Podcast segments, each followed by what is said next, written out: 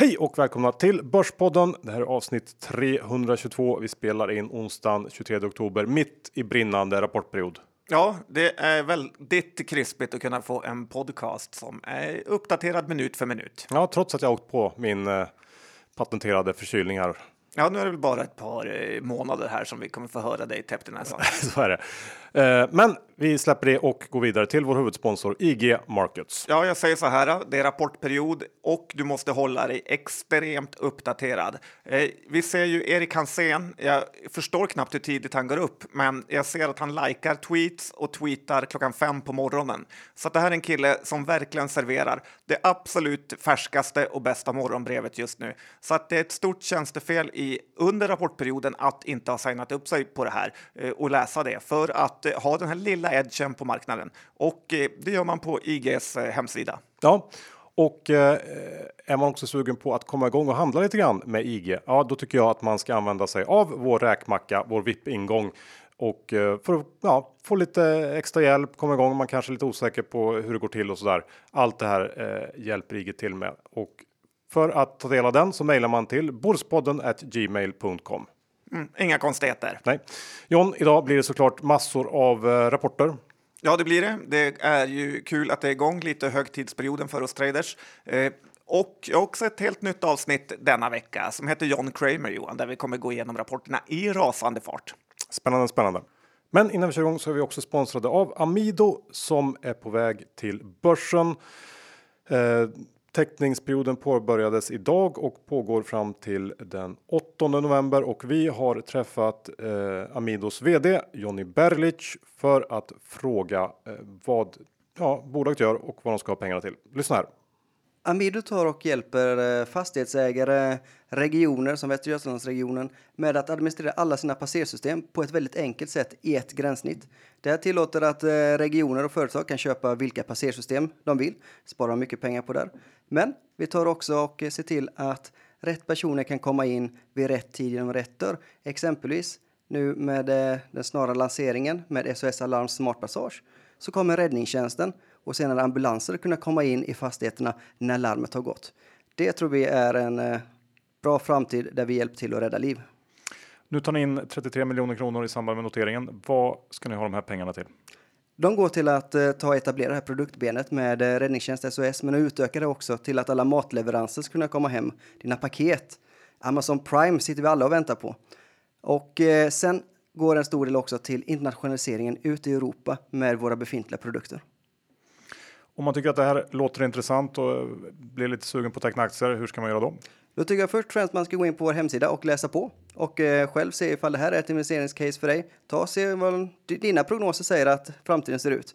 Och sen kan du teckna raka vägen på hemsidan. Eller om du vill ha det i din ISK eller kapitalförsäkring, då går du in på Avanza eller Nordnet och då tecknar du raka vägen den vägen. Tack för det Jonny. Gå som sagt in på amido.se om det här låter intressant. Där kan ni läsa eh, allt om bolaget, titta igenom prospektet och så vidare. Och John, tänk såklart på att det är hög risk eh, när det gäller sådana här investeringar. Ja, man ska alltid tänka om det passar in i sin portfölj.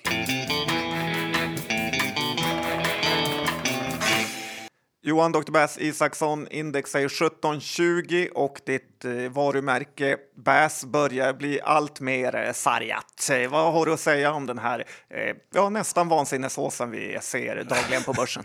sargat och urholkat. Ja, det är inte så kul. Jag har fått skriva ner goodwill där några gånger nu, men, nej, men jag tänkte faktiskt på det här om dagen att man brukar ju prata om det här med att börsen alltid klättrar upp för en wall of worry. Alltså att man alltid har någonting att oroa sig för och att när man liksom tar sig förbi det så, så skuttar börsen upp lite grann. Um, och min känsla nu är att marknaden faktiskt har klättrat upp över kanten på World of Worry och att den inte oroar sig för någonting alls. Konjunkturoron är som bortblåst, Brexitoron, handelsavtalsoron eh, räntoron om det nu har funnits en sån. Eh, alla de här eh, orosmomenten är som bortblåsta tycker jag det känns som. Eh, och det, jag vet inte, kanske då det vänder. Eh, det är väl inte omöjligt i alla fall. Nej, plus att man håller på att typ avsätta USAs president i någon typ av impeachment. Vi kommer ju komma in lite närmare på diverse rapporter senare i avsnittet, men generellt sett så kan jag tycka att börsen inför den här rapportperioden på ett väldigt märkligt sätt eh, har varit oroad för dåliga rapporter, men utan att det har satt avtryck i aktiekurserna. Eh, vi kan ju ta verkstad som exempel. Då gick, vi in i rapporterna väldigt, väldigt oroliga, men samtidigt i många fall med aktier kring sina all time highs och reaktionerna sen då på många rapporter har ju varit eh, som att det hade varit utbombade aktier som vi, vi pratar om. Atlas gick upp 10% på sin rapport. Eh, en rapport som eh, trots att alla skrev om att det var en 5 plus rapport och så vidare inte var ändå särskilt anmärkningsvärd, i alla fall inte i mina ögon. Och, Lite pinsamt av det har störst, bäst och vackrast på framsidan efter den rapporten. Ja, men det tycker jag faktiskt. Men, men, och sammanfattningsvis så är det faktiskt en, det är en väldigt märklig börs som vi har just nu. Eh, och ett stort tema som verkligen har dominerat så här långt i rapportperioden är ju såklart valutapåverkan. Eh, de här Q3-rapporterna vi har sett, många av dem för ju tankarna till de friidrottsrekord som slogs under 80-talet och som sen visade sig vara omöjliga att slå. Det är enormt dopade rapporter helt enkelt och även om alla såklart fattar det så tror jag ändå att det är svårt att koppla bort den effekten helt. Jag tror att, att bolagen helt enkelt får för bra betalt. Ja, jag håller med. Jag tror också att det är svårt att veta riktigt vad som är valutaeffekt och inte, utan eh, eh, ja, där har man fått en väldig medvind. Ja, men du hade ju något förslag här om att de skulle börja mm, rapportera i, i, euro eller? Ja, men jag tycker faktiskt att svenska storbolag borde börja redovisa euro för att skapa någon, ter, någon typ av mer långsiktighet. Och eh, det skulle också kännas som att bolagen blev mer transparenta gentemot utländska investerare och det skulle ju kunna, eh, kunna höja värderingen då. Eh, det blir lite konstigt när jättebolag som Volvo och Atlas som nästan har all försäljning utomlands hela tiden ska hålla på och justera för valutaeffekter. Vi har ju några föregångare som faktiskt redan eh, redovisar i euro. Jag tycker fler borde ta efter här. Och sen att alla bolag behöver inte göra det, som typ eh, fastighetsbolagen, Fabege och, eh, eller mikrobolag. Men det är faktiskt dags att bli lite mer internationella. Det kan man tycka. Det här med valuta och så, då börjar man ju tänka lite på Ingves. Ja, jag, ja, men faktiskt. Jag tycker inte att det är hans fel att vår krona är så svag. Det är lite mer åt bullshit-hållet här. Eh, vi har ju oändligt antal länder nu i världen som faktiskt har det här med minusränta och eh, deras valutor är ju superstarka, vissa av de här länderna, typ Japan, Schweiz, Danmark. Eh, det är ju dags att inse att anledningen till att vår valuta är så svag är att omvärlden inte tror på Sverige som nation och eh, vi är på dekis. Det är tufft att inse, men det är fakta. Du kanske har rätt där John, det kanske bara är att tugga i sig det. Eh, vi går över till, till något annat. Vi, vi, eh, med den här starka börsen som har funnits i många, många år så eh, har ju många ja, letat andra vägar och onoterat är ju någonting som har varit populärt nu ett par år. Ja. Men det finns ju risker med det. Ja, verkligen. Vi har sett på Peppins här. Jag tror det var västkust-tradern, BB Trader, som la ut en tweet med Peppins-bolagens utveckling och de har ju haft eh, generellt en ganska usel avkastning. Mm, de flesta bolagen har underpresterat medan några enstaka bolag har levererat stort. Eh, men totalt sett är det inte imponerande. Men tyvärr så är det nog så att det är precis så här det ser ut i den onoterade världen och att det inte är Peppins fel. Eh, man som investerare ska inte tro att det är några genvägar till framgång att investera i onoterat, utan oftast eh, kommer det bli en dålig investering. Men då och då hittar man något bolag som kan dubblas eh, flera gånger. Under förra toppen 2007 så investerade jag i två onoterade bolag. Eh, det ena var Reinhold Pol Polska som gick i konkurs och det andra var Lids eh, som typ 2014 har jag för mig, alltså sju år senare efter jag hade investerat i dem, kom till börsen.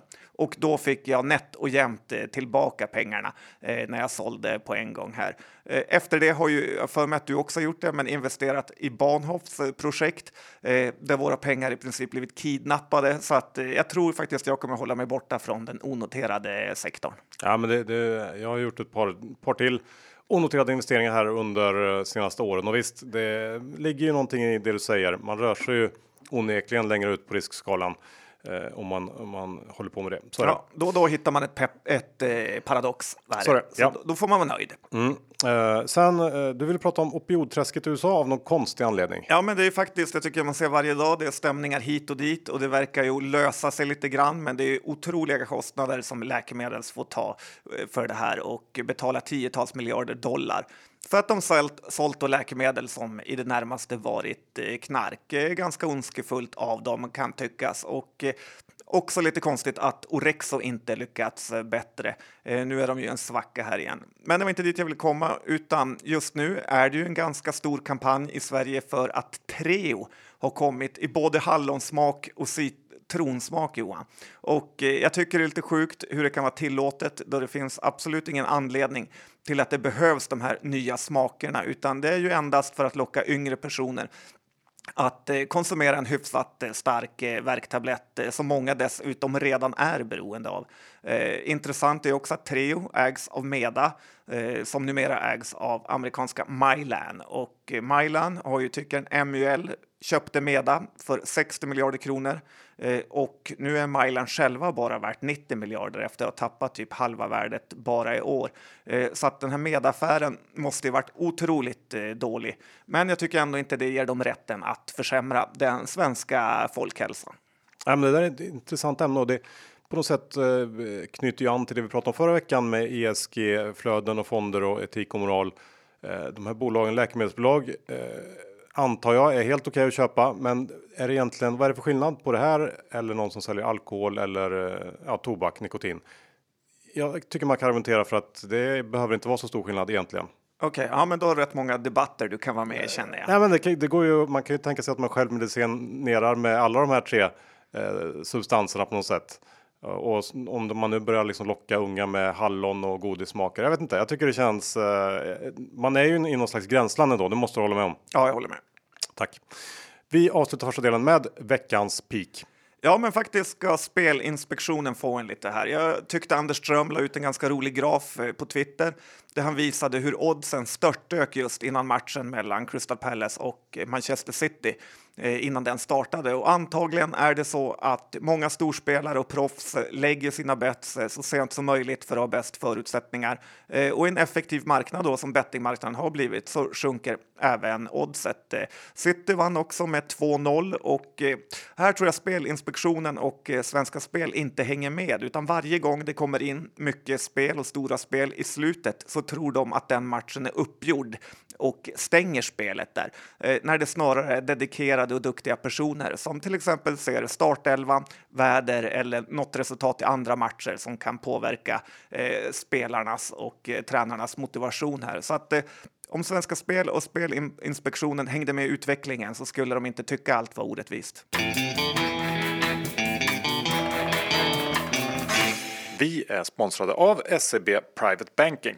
Den här veckan har vi träffat aktiemäklaren Caroline Tegge och frågat vad hon och hennes kollegor erbjuder SEBs Private Banking-kunder.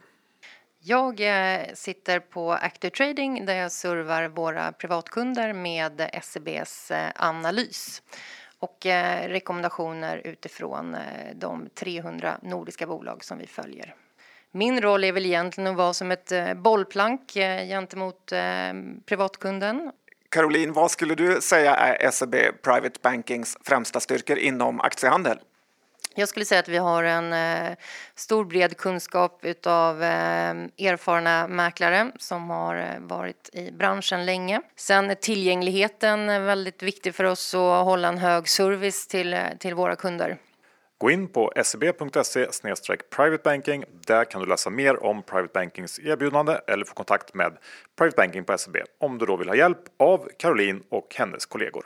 Vi är också sponsrade av Cameo Alltså lånebaserad crowdfunding där man kan investera i fastighets och företagslån i Sverige, Norge och Danmark. Och eh, det som är så fint med Cameo är att man behöver inte stoppa in mycket. Minsta investering är 500 kronor och det gör att det här är tillgängligt för vem som helst. Årsavkastningen ligger på mellan 5 och 15% beroende på risknivå. Snittet är på fina 9,8% och man får då månatliga ränteutbetalningar. Cameo har ungefär 10 000 investerare i Skandinavien och eh, ja, det här är ett spännande alternativ för den som vill ha eh, ett, ett alternativt kassaflöde. Ja, och det är aldrig fel. Nej, så gå in på cameo.se. Cameo stavas med K och läs på och titta runt själva.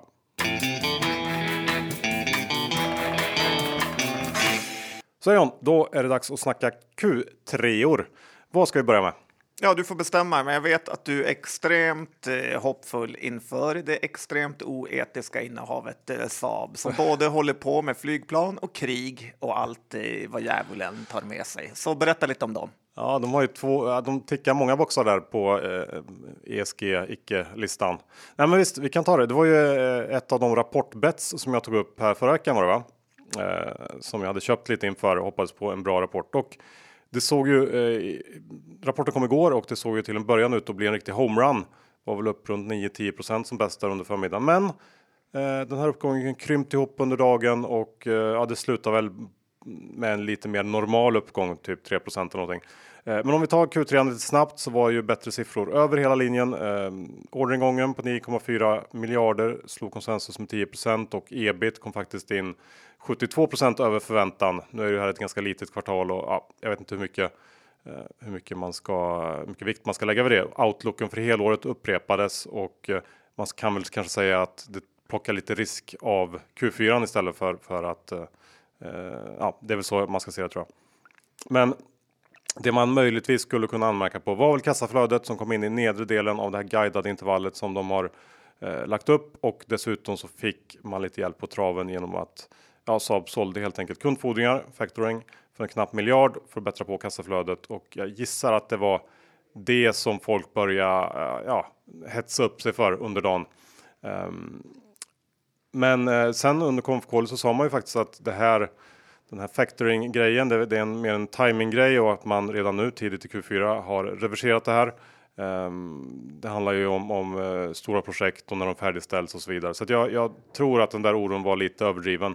Och generellt kring Saabs kassaflöde så har ju bolaget guidat i flera år nu faktiskt för den här utvecklingen vi har sett under 2018 och 2019.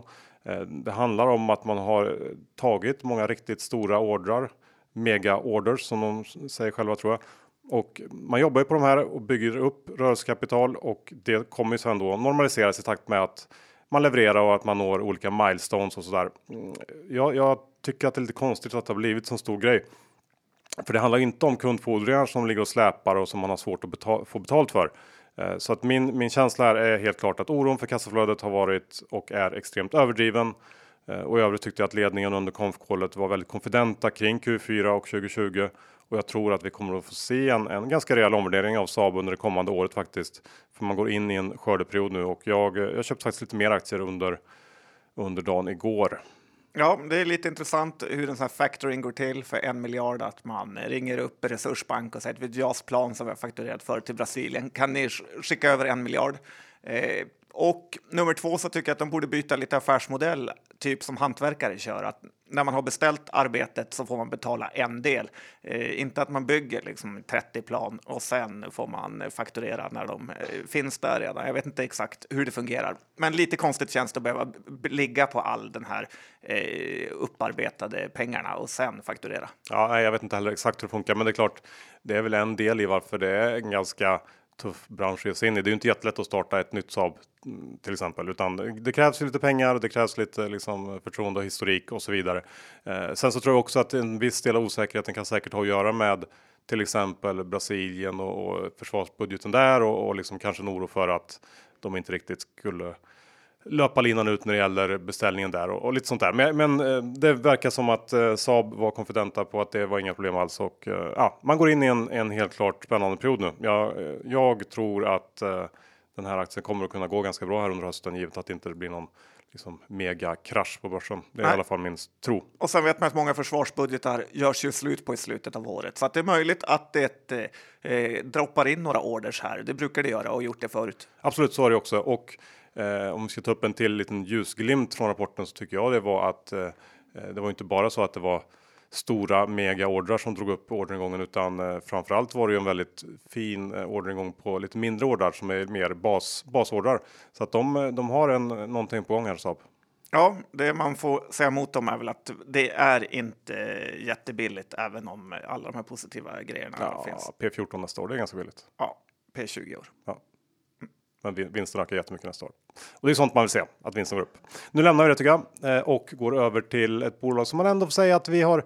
Vi har ju bäsat dem lite Avanza tänker jag på, men de gav alla alla negativa lite svar på tal i samband med sin Q3 här. Ja, faktiskt. Det var ju en kanonvinst eh, som de kom med och fick ju en rejäl kursuppgång med sig också. Eh, det kändes faktiskt rättvist med tanke på hur många som varit eh, skeptiska till Avanza innan här och de fick ju också åka på eh, lite oväntat när Charles Schwab gick ut med den här, ja, kanske lite av fake news nyheten att de skulle sänka courtaget till noll. Eh, så eh, tappar ju Avanza nästan 5% bara på det.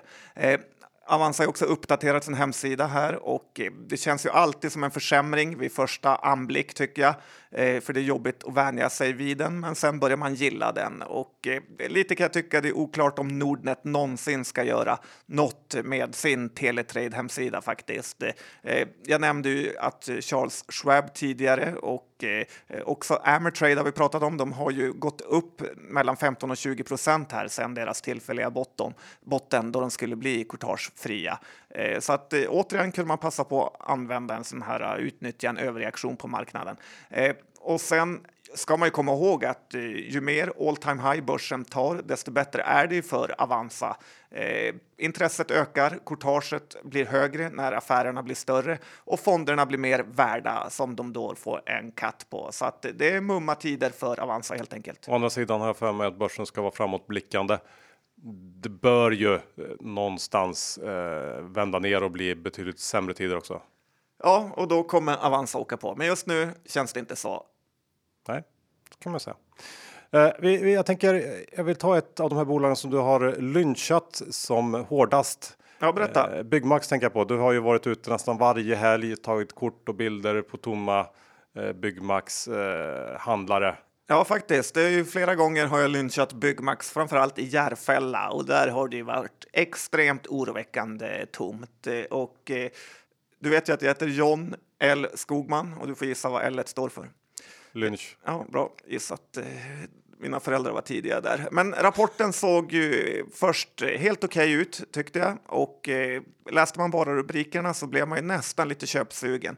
Eh, däremot eh, hörde man på konfkålet så pratar de om ett, om ett väldigt svagt Q4 då det varit alldeles för kallt och regnigt hittills i oktober.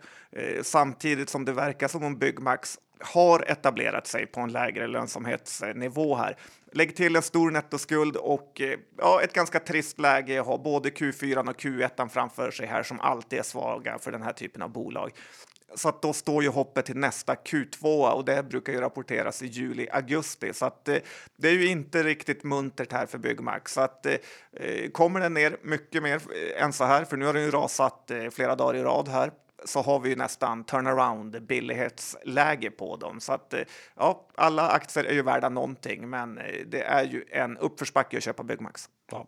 Och kanske att du ska ha ett litet, litet förlåt till alla som du blir ändå Ehm, ja, väldigt hånad får man säga för dina lynchningar. Det är inte många som tar dem på allvar, men Okej, okay, det har jag inte märkt. Jag är med i en fanclub trodde jag. jag tror, ja det, ja det, är bra att du känner så då. Men jag, jag känner ändå att å dina vägnar så känner jag att en del borde säga förlåt.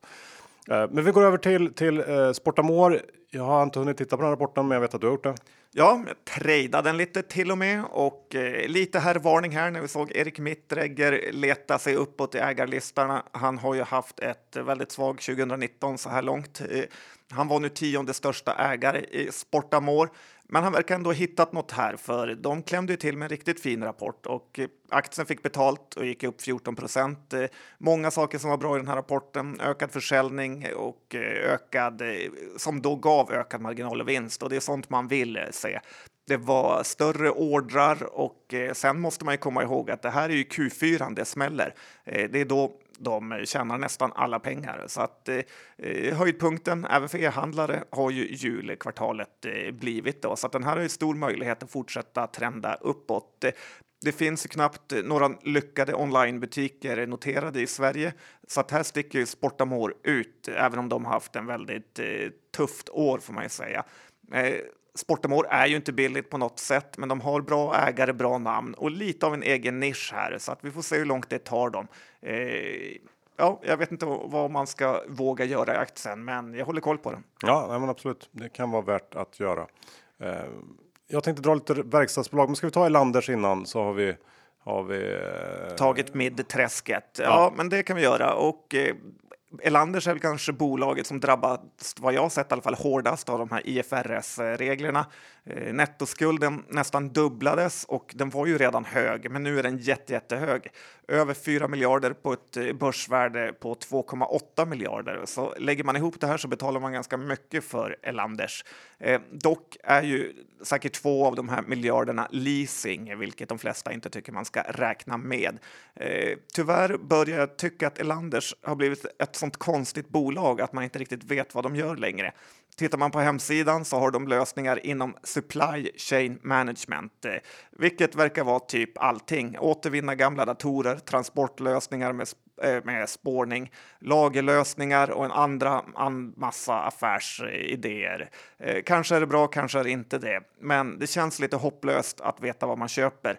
Förmodligen är Elanders mycket modernare än vad man har trott sedan sen gamla goda, men de har ju lite att jobba på vad gäller sin image. Deras organiska försäljning sjönk och sånt gillar ju verkligen inte börsen. Men jag känner att jag skulle vilja lära mig lite mer om Elanders innan jag vågar uttala mig om det är köp eller sälj. Det tycker jag låter väldigt klokt John. Lite går... ovanligt mig faktiskt. Ja, väldigt ovanligt. Jag vet inte vad som har hänt. Det bådar inte gott. Eh, men jag tänker vi går över till mer storverkstad som sätter tonen för börsen i stort.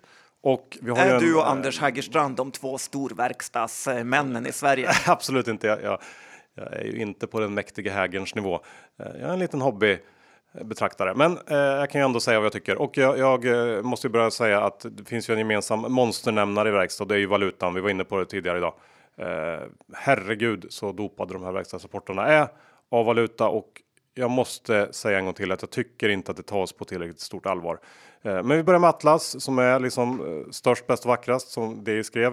Eh, den här var ändå rapport, rapport som blivit enormt hyllad och aktien, om vi tittar på den så var den inför rapporten faktiskt på någon slags mega all time high om man justerar för avknoppningen av Epiroc. Men ändå då en stor osäkerhet på något konstigt sätt och aktien ballade sen ur under rapportdagen, stängde 10 upp. Såklart helt orimligt, även om alla hyllar den här rapporten till skyarna. Eh, vi vet redan att Atlas är ett fantastiskt fint bolag eh, och visst, de gör det bra, men justerat för valuta så var vinsten faktiskt oförändrad jämfört med förra året. Orderingången var stark, men här ska man komma ihåg att det var i Q3 förra året som orderingången från vakuumdelen kollapsade och eh, det var också den här vakuumdelen som stod för merparten av orderstyrkan i eh, rapporten. Dessutom så tolkar jag det lite som att den här, den här eh, orderuppgången inom vakuum delvis var drivet av några större, eh, få större ordrar och inte särskilt bred. Eh, men sen tycker jag också man ska i Atlas fall komma ihåg att det här är ett capex-drivet bolag som är mindre beroende av, av day to day business än till exempel SKF som vi kommer till sen. Det handlar mer om bolagens vilja att investera och Eh, det är väl i många fall också mer lite, lite mer trögrörligt. Det är längre beslut och saker som man redan har bestämt för länge sedan. Eh, så som jag ser det så räddas Atlas av valutan i den här rapporten och jag ser ju 0,00 uppsida i den här aktien. Ja, två grejer. Man saknar ju Johnny Schleten och hans stubb eh, går in på topp 10 börsfrisyrer. Eh, Nummer två är ju att du lyssnar på konfkålet som fick ett mess. De har kört bort sig. Nu är det bara korta. Sen gick aktien upp 10 kronor till, rakt upp. Ja, ja. ja men det är väl det härliga med börsen att man kan ju lyssna på precis samma sak och tolka det eh, på två olika sätt. Ja, så är det. Ja. Men om, vi, men om vi går över till SKF istället så blir jag nästan mer imponerad av SKFs rapport än Atlas. För SKF har ju det är ett bolag som har betydligt mer exponering mot många av de branscher som har det som tuffast. Eh, det är mer i det här fallet då, om vi ska använda samma uttryck som i Atlas day to day business. Eh, det går snabbare upp och ner och eh, SKF tycker jag ändå höll i det ganska bra. Nu var det för sig så att de blev lite räddade av vindkraft och järnväg i Kina. Utan det så hade det varit betydligt värre. Eh, siffrorna för Q3 kom in någon procent under förväntan och eh, SKF guida också lä för lägre efterfrågan i Q4. Eh, även om det måste ju varit extremt väntat. Men sen fanns lite EU-poster i rapporten som konsensus inte hade räknat med och på något sätt så känns det som att de blev lite liksom eh, bortglömda under dagen igår. Eh, och, och justerar man för det eh, så var underliggande faktiskt lite bättre eh, för SKF. Så eh, ja, jag tycker att de är lite synd om SKF på något sätt. Jag tycker att de blir Eh, lite styvmoderligt behandlade faktiskt. Ja, det är lite konstigt för förra efter Q2 sa du att det var ett trisslotskvartal och att Alrik inte visste vad han pratade om. Så ja, men... nu gillar du honom. Nej, men vi får ta upp just den biten. Han sa ju att i samband med Q2 där så sa han ju eh, att det hade vänt upp i slutet av kvartalet och så, det såg så mycket bättre ut. Eh, så var det ju inte heller. Det, det, får man väl säga att han hade lite fel. Eh, jag var lite hård där mot honom och pratade om trisslotskvartal, men kanske låg det någonting i det. Jag vet inte, men Eh, hur som helst, jag är inte intresserad av SKF som aktie heller, men, men eh, ja, det är min bedömning. Ja, nej, Blecker har ju länge tjatat om att den är undervärderad så att eh, den kanske har något. Sen eh, har vi också eh, Sandvik, Rosengren. levererar sin sista rapport innan han lämnar för ABB.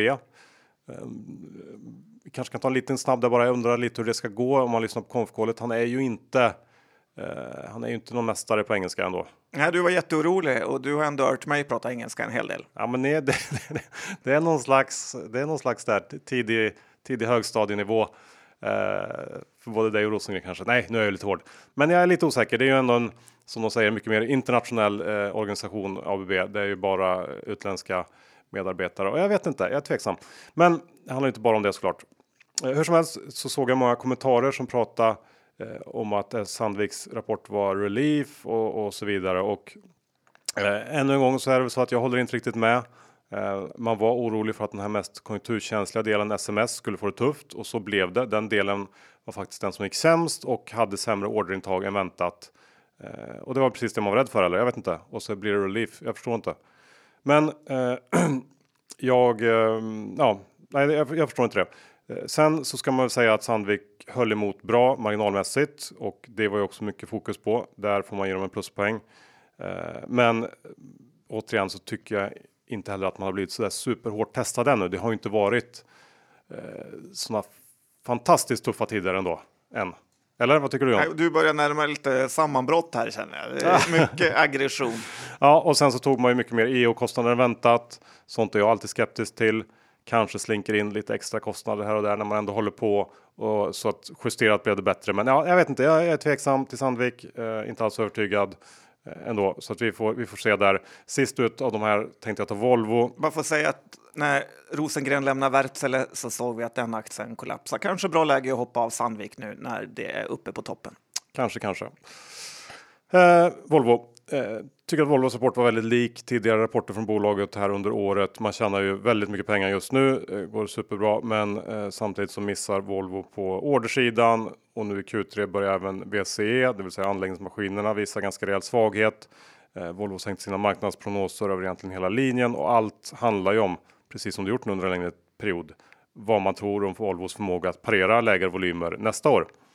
Och eh, Ja, men givet att det inte blir någon, någon jättedrastisk försämring eh, gentemot läget nu så kanske man börjar närma sig någon typ av av intressant läge i Volvo nu. Jag vet inte riktigt, men, men jag tycker i alla fall att det är den av verkstadsaktierna som vi pratat om idag som är mest rimligt prissatt givet utsikterna.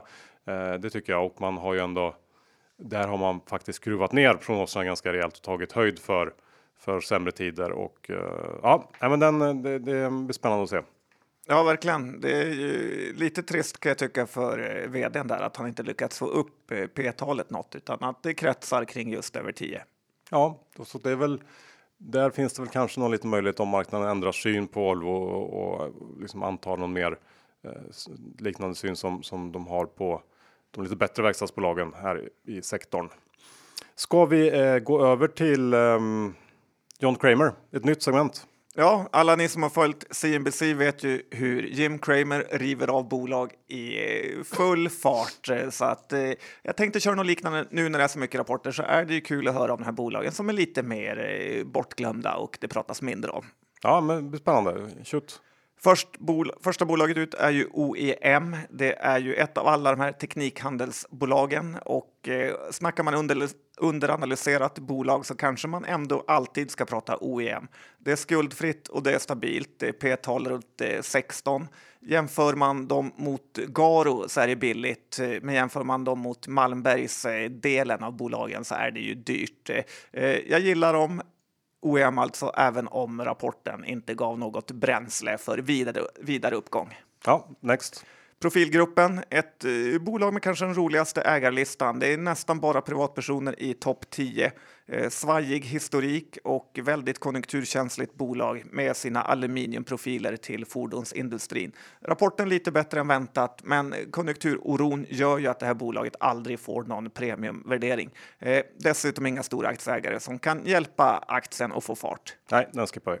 Vitec, Umeå Compoundern inom dataprogram, alldeles för dyrt för de flesta med ett P-tal som pendlar mellan 30 och 40. Eh, by the dip får man säga här, även fast det aldrig verkar bli någon. Ja, vad det där? Sveriges svar på Constellation Software eller vad de heter. Okej.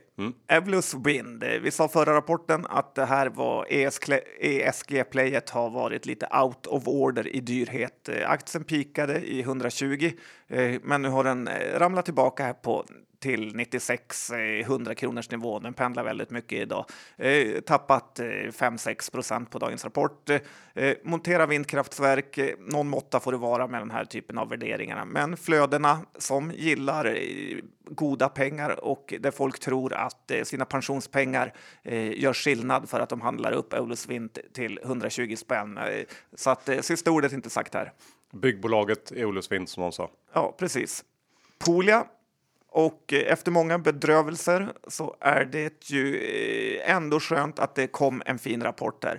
Uniflex, som numera ingår här, gör ju en väldigt fin Q3 eh, och det är de som tjänar nästan alla pengar för Polia det här kvartalet.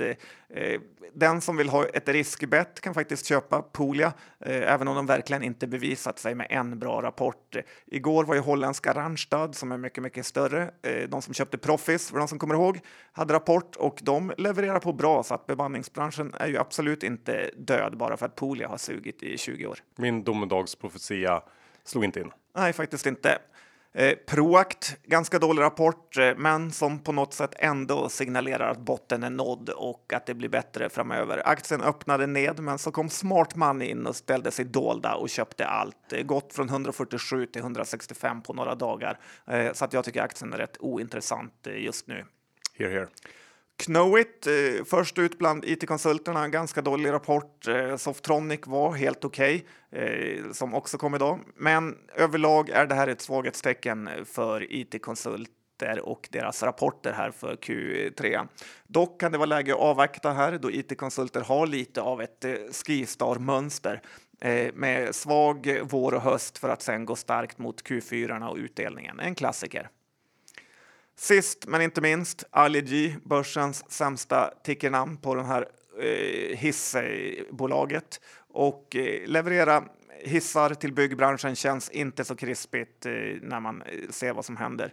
Eh, det kommer inte bli mycket eh, bättre framöver. Jag har svårt att se varför man betalar en premiumvärdering för Aligis hissar. Nej, ganska rejält fallande orderingång och eh, inte mycket ha. Bra, tack för det John Kramer. Vi eh, avslutar med ett litet två bolag inom eh, en av börsens absolut värsta sektorer. Jag tänker på medtech eh, som har ju någon slags sinnessjuk värderingsbubbla just nu eller haft sista åren. Och eh, om vi börjar med ett av de Många större blankare som gett sig på den och blivit brända. så är det. Eh, men vi kan väl ta, ta Getinge, det stora bolaget i sektorn. Eh, Getinge levererar ofta eh, eller alltid ganska vansinniga reaktioner på rapporter och det här var inget undantag. Upp 16% på en rapport som även om den slog estimaten inte var så bra. Eh, det här bitet var drivet eh, till ganska stor del av enorm valutapåverkan. Eh, tittar man på rapporten så är faktiskt all ebita förbättring under årets första nio månader valutadriven. Samtidigt som det fortfarande finns ganska betydande riskmoment här i den här turnarounden man är inne i. Och så ska man också komma ihåg att det var ganska lätta eller väldigt lätta jämförelsetal i Q3 och det blir mycket tuffare nu Q4.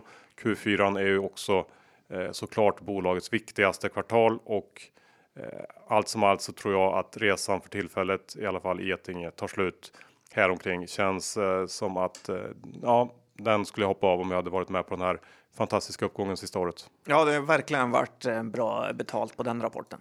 Och sista bolaget ut idag. Cella Vision, bolaget vi älskar att hata på något sätt ändå får man säga.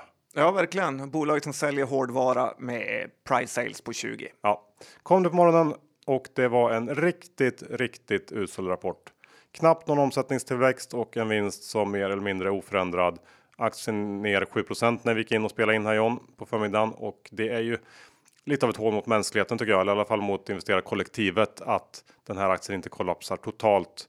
Eh, värderingen är, det, ja, det går inte ens att prata om eh, om man bara går och väntar på att den här sektorn ska komma ner till verkligheten. Det är nog det jag hoppas mest inför 2020 tror jag. Okej, ja, men det är kul att du har en sån önskning.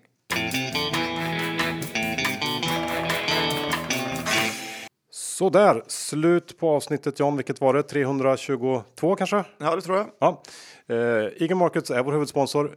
Vill ni ta del av VIP-ingången, räkmackan, kärt barn har många namn. Maila då till bordspodden gmail.com så hjälper vi er med det. Ja, det är inte svårare än så att få möjlighet att trada allt. Och vill ni läsa på mer om Amido som är på väg att notera sig? Ja, gå då in på amido.se. Där hittar ni all relevant information. Ja, läs på och se om det passar i din portfölj. Och cameo.se.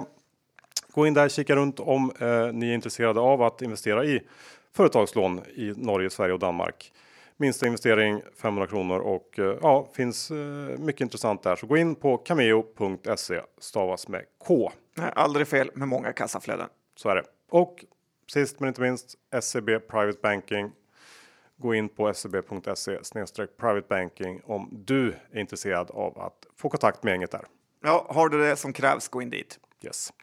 Eh, ska vi ta lite om innehav idag John? Eh, nu måste jag tänka efter. Saab såklart äger jag. Eh, det tyckte jag var en fin rapport. Och John, hur ser det ut för dig? Ja, jag har också lite Saab här. Hoppas på ta rygg på din analys eh, knivskarphet. Yes, härligt, härligt. I övrigt var det inte så mycket va? Nej, Nej, bra. Tackar förstås och eh, hörs om en vecka igen. Förhoppningsvis med en väldigt, väldigt speciell gäst som många kommer uppskatta. ja, vi får se om jag kan lyckas övertala honom. Det kommer vi göra. Hej då!